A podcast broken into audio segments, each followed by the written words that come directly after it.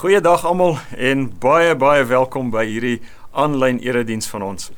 Dit bly en is en bly 'n baie groot voorreg om mekaar op hierdie manier op 'n Sondagoggend of op watter dag van die week ook al te mag ontmoet. En ek wil baie welkom sê vir oggend vir almal wat nuut by ons inskakel. Ons is opgewonde daaroor. Ons wil dit nie as vanselfsprekend aanvaar nie. Dis vir ons 'n voorreg dat jy deel is ook van hierdie aanlyn gemeenskap van ons.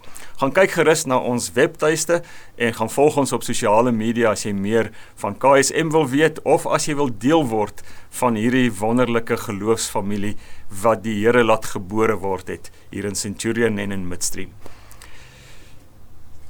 Dis vandag 'n dag waarop ek goeie nuus het. En is nie net goeie nuus nie, ek het vandag dubbele goeie nuus. Die eerste deel van die goeie nuus is volgende Sondag, dis die 5de September, begin ons weer met in-persoon eredienste. Ons is alreeds aan die gang met 'n klomp in-persoon geleenthede.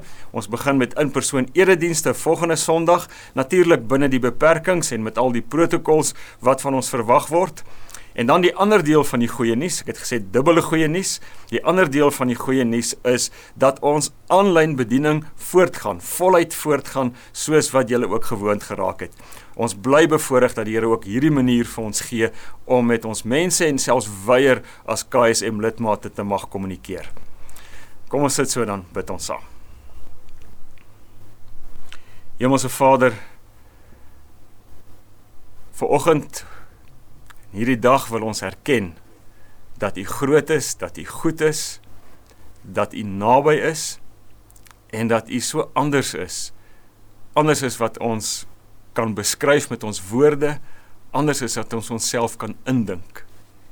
U is groter en heerliker en mooier en nader as wat ons ons kan indink. U is die goeie God. U is die goeie Vader. U is die een wat wat u seun Jesus vir ons gegee het. En vandag dink ons daaraan, vandag vier ons dit dat Jesus naby gekom het om die Vader vir ons te kom wys, maar ook om ons verhouding met die Vader te herstel aan die kruis. Ons eer en ons loof U daarvoor, Here Jesus. En dankie ook dat U Vader vir ons die Bybel gee uit goedheid, uit genade en dat U met ons praat. En vandag wanneer ons uit die Bybel uit lees en saam daaroor dink, bid ons dat U deur die Heilige Gees met ons sal praat. Dat U vir ons sal laat anders dink oor U. Anders sal laat dink oor onsself en ook anders sal laat dink oor die mense saam met wie ons hierdie stukkie aarde en hierdie stukkie van die geskiedenis deel. Kom Heilige Gees en kom praat asseblief in Jesus se naam. Amen. Ek lees uit uh Matteus die 3de hoofstuk en ek gaan naby vers 16 begin en dan gaan ek lees 'n uh, paar gedeeltes ook in hoofstuk 4 in. Matteus 3 vers 16 Jesus is aan die begin van sy bediening. Hy staan op die punt om sy bediening te begin. Dan lees ons daar Jesus is toe gedoop en het dadelik daarna uit die water gekom.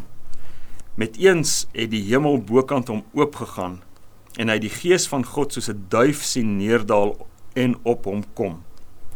Daar was ook 'n stem uit die hemel wat gesê het: "Die stem van die Vader. Dit is my geliefde seun. Oor hom verheug ek my." Dan hoofstuk 4 vers 1. Toe is Jesus deur die Gees die woestyn ingelei om deur die duiwel versoek te word. 40 dae en 40 nagte het Jesus niks geëet nie en het hy naderhand honger geword. Die vers, die versoeker het toe gekom en vir hom gesê en hierdie ding herhaal hy die dieselfde ding herhaal hierdie selfde woorde herhaal by uh, daar in vers 6 weer. Hy sê vir hom as u die seun van God is sê vir hierdie klippe hulle moet brood word. En dan uh, lees ons by vers 5 daarna neem die duiwel hom vir Jesus na 'n heilige stad toe en laat hom op die hoogste punt van die tempel staan en hy sê vir hom: As u die seun van God is, spring af. Daar staan mos geskrywe, hy sal sy engele oor jou opdrag gee en op hulle hande sal hulle jou dra sodat jy jou voet nie teen 'n klip stamp nie. Elke keer versoek die uh, Satan vir Jesus en elke keer sê Jesus nee, ek gaan nie ingee vir hierdie versoeking nie.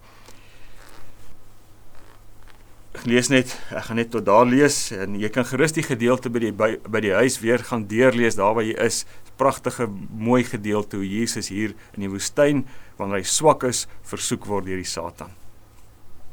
Trevor Hudson skryf in een van sy boeke, uh vertel hy die verhaal van 'n man wat sy eie lewe geneem het.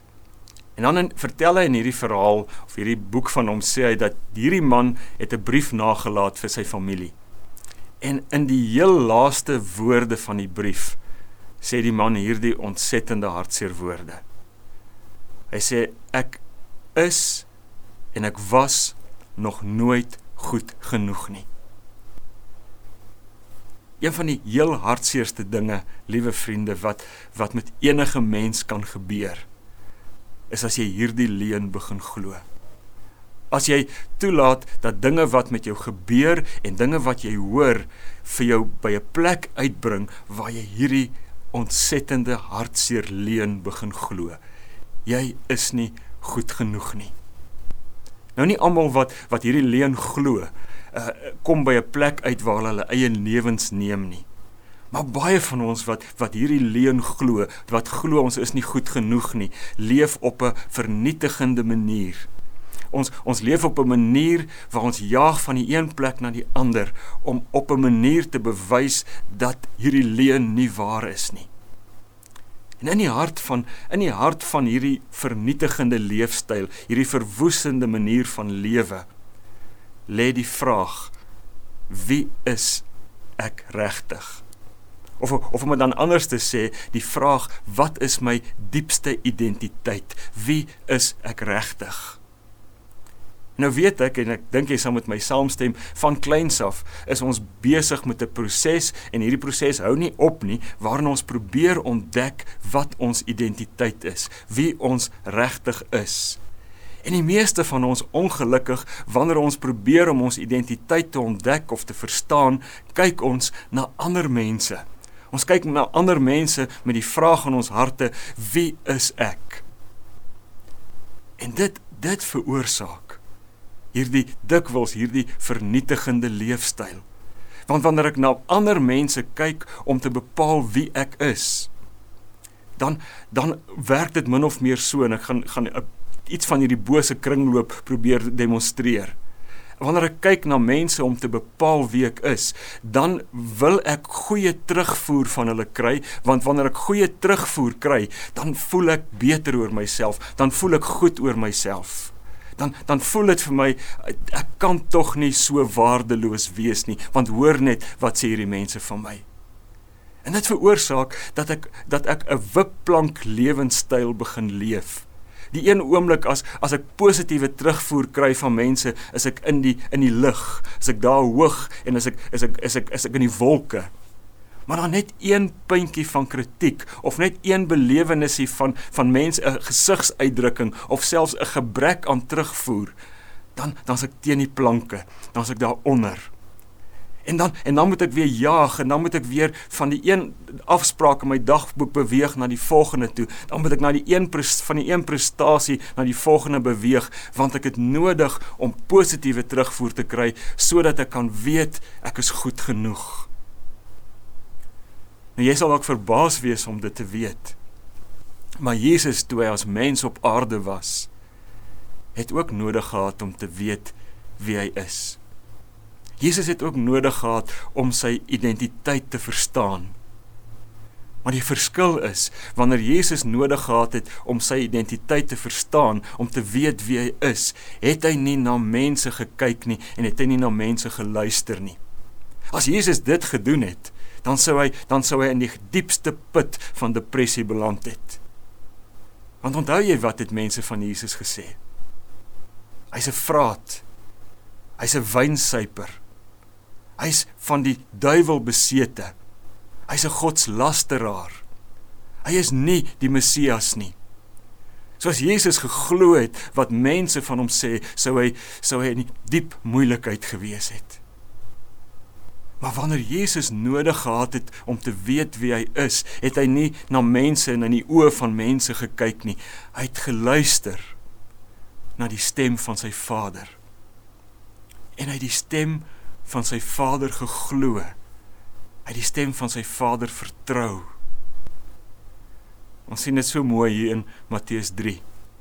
Jesus staan hier op die punt van sy aardse bediening. Hy staan hier op die punt om die wêreld in te beweeg en die wêreld te gaan verander vir altyd.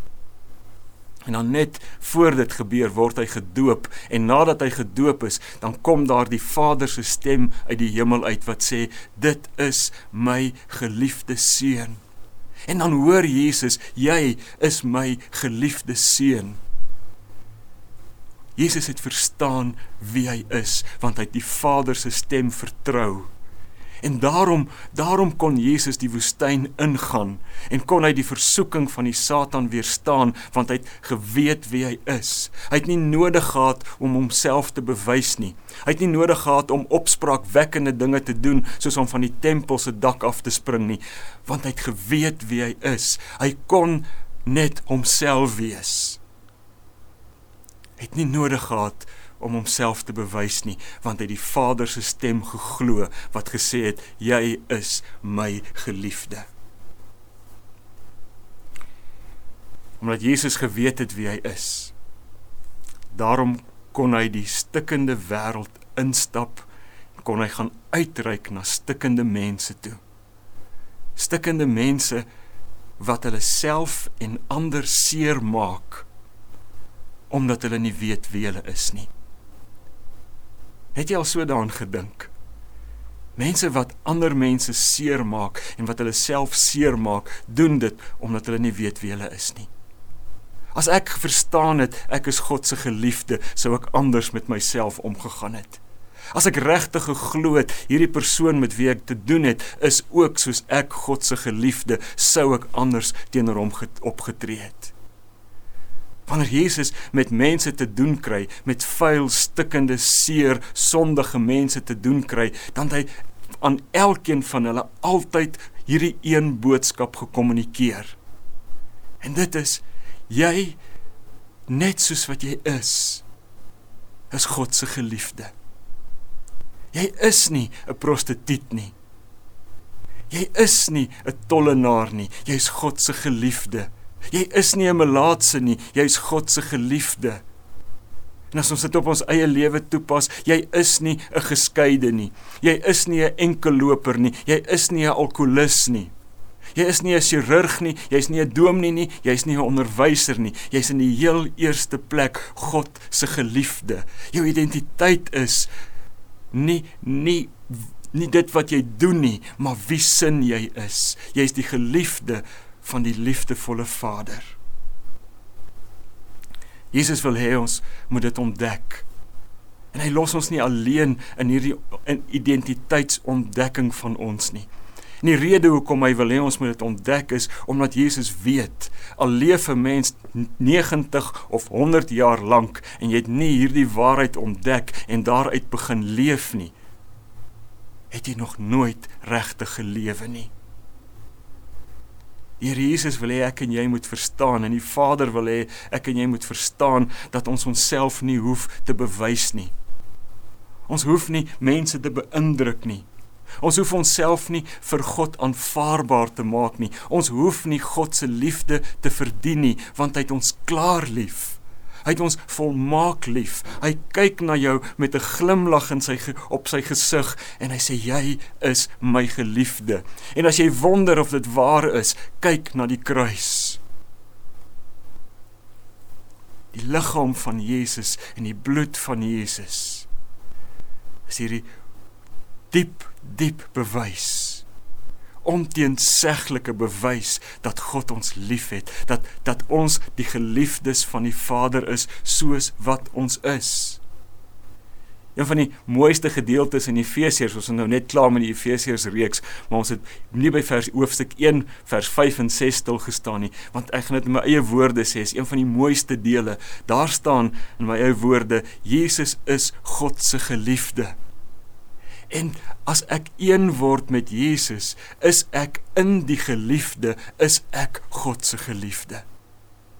As ek Jesus aanneem as my Here en my verlosser, dan kan niemand hierdie geliefdheid van my bevraagteken nie. Niemand kan dit doen nie. Want God sê Jy is my geliefde. Die vraag wat ek vandag vir jou wil vra is dit. Baie eenvoudig. Glo jy dit? Glo jy dat jy die geliefde van die Vader is? Verlos deur Jesus. En daarom goed genoeg.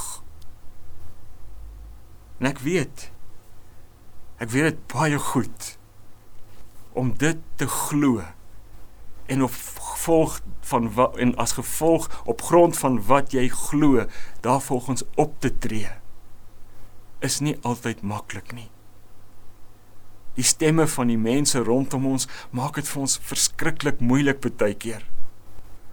Ons eie stories van seer kry en van mislukking maak dit baie keer amper onmoontlik om dit te glo. Maar as ons dit nie kan glo nie, dan het ons nie veel nie. En daarom wil ek vir jou vandag uitnooi, vir jou oproep. Begin stap op die pad van selfontdekking. En met selfontdekking bedoel ek nie hier een of ander sielkundige proses nie. Ek bedoel daarmee gaan sit gereeld by jou Vader en luister na sy stem. Kyk in sy sagte oë. sien sy vriendelike gesig. En hoor hoe hy vir jou persoonlik sê: Jy net soos wat jy is is my geliefde. Jy hoef nie altyd te slaag nie. Jy hoef nie altyd eerste te wees nie. Jy hoef nie almal tevrede te stel nie. Jy hoef nie jy hoef nie, jy hoef nie. Want jy is jy is my geliefde. Vandag vandag vier ons nagmaal. Nagmaal is die grootste, die liggaam en die bloed van Jesus is die grootste bewys dat jy God se geliefde is. As ons nagmaal vier, dan vier ons ons geliefdheid. Dan vier ons die feit dat ons Vader na ons kyk en sê jy is my geliefde.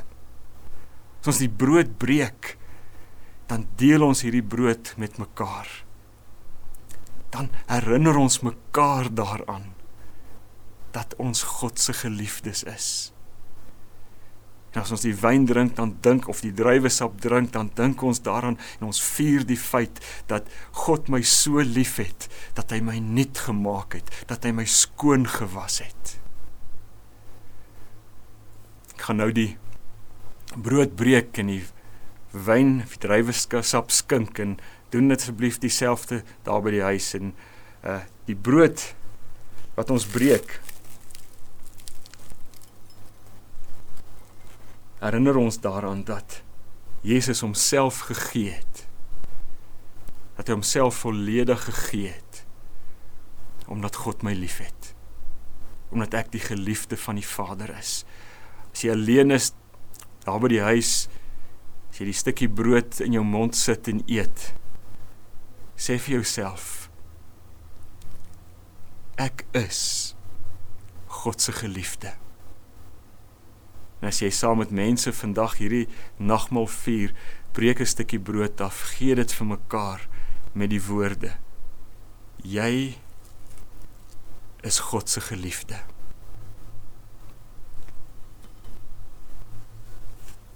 En wanneer ons die wyn drink, dan dink ons aan die dan dink ons aan die bloed van ons Here Jesus wat gevloei het. En ons vier die feit dat ons geliefdes van die Vader is. Dat Jesus sy lewe gegee het sodat ons in 'n verhouding met ons liefdevolle Vader kan leef. Drink, eet drink en glo jy is God se geliefde. Amen.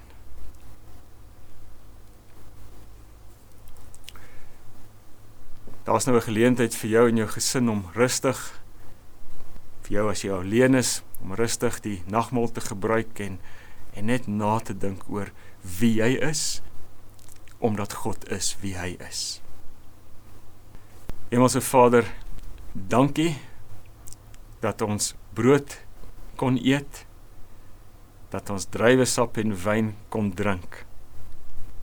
Dankie, ons ontvang dit as 'n geskenk uit u hande. En dit dit herinner ons aan Jesus, u grootste geskenk vir ons. U geskenk vir u geliefde mense. Ons loof u Here Jesus dat u u lewe afgelê het. Dat u gesterf het sodat ons deur ons geloof in u een met u kan wees, u wat die Vader se geliefde is. Sodat ons ook as geliefdes van die Vader kan leef. Vader, ons is vandag so bewus net van hoe goed u is. Ons is so bewus van u oneindige liefde. Ons is so dankbaar vir die vir u oë waarmee u na ons kyk. Dankie dat U nie kyk soos mense na ons kyk nie. Dankie dat U nie oor my praat soos wat mense oor my praat nie. Maar dat U na my kyk vandag en dat U my geliefde noem. Vader, ek bid vandag dat U vir my sal help om gereeld na u stem te luister. En om te hoor wie ek is. Nie die titels en die etikette wat mense om my hang nie of wat ek aan myself hang nie. Maar net u stem. Wat sê jy net soos wat jy is is my geliefde. Help my om dit te glo en help my om elke dag vanuit my identiteit te lewe. Ons bid dit in die naam van Jesus die Christus die koning die geliefde van die Vader. Amen.